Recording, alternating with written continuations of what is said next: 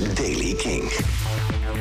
Over het algemeen een zonnige ochtend. Vanmiddag is er weer bewolking met in het zuidwesten ook kans op een regen- of onweersbui. Temperatuur 26 graden op de Wadden tot 30 à 31 in het binnenland. Nieuws over Muse en Nirvana. Dit is de Daily Kink van maandag 5 september. Michiel Veenstra. Te beginnen met Muse. Matthew Bellamy heeft verteld waar de invloeden voor de wat stevige nummers van het nieuwe album Will of the People vandaan zijn gekomen. Het alles te maken met zijn 11 jaar oude zoon Bingham, die hij regelmatig naar school brengt. En die ineens fan is geworden, de laatste jaar of zo, van bands als Slipknot. Ja, eh, dan eh, eh, hoor ik het dag in dag uit uit mijn cd-speler komen... omdat hij het leuk vindt, zegt Matthew Bellamy. En ik kende de bands natuurlijk wel, maar ik had er nooit echt zo aandachtig naar geluisterd.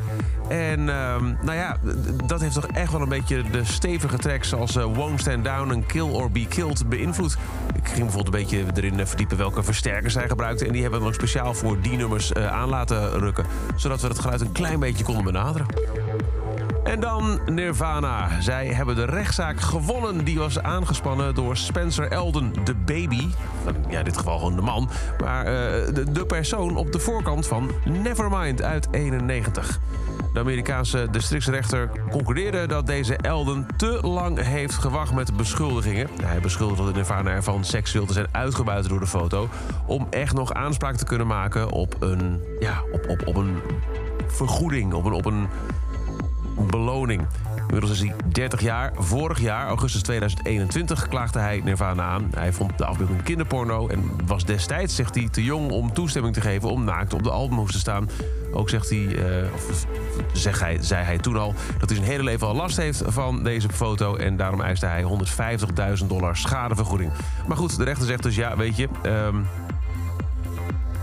als je pas in de afgelopen tien jaar hebt ontdekt dat je op de album stond... dan had je nog een kans gemaakt. Maar dit weet je gewoon al je hele leven. Dus ja.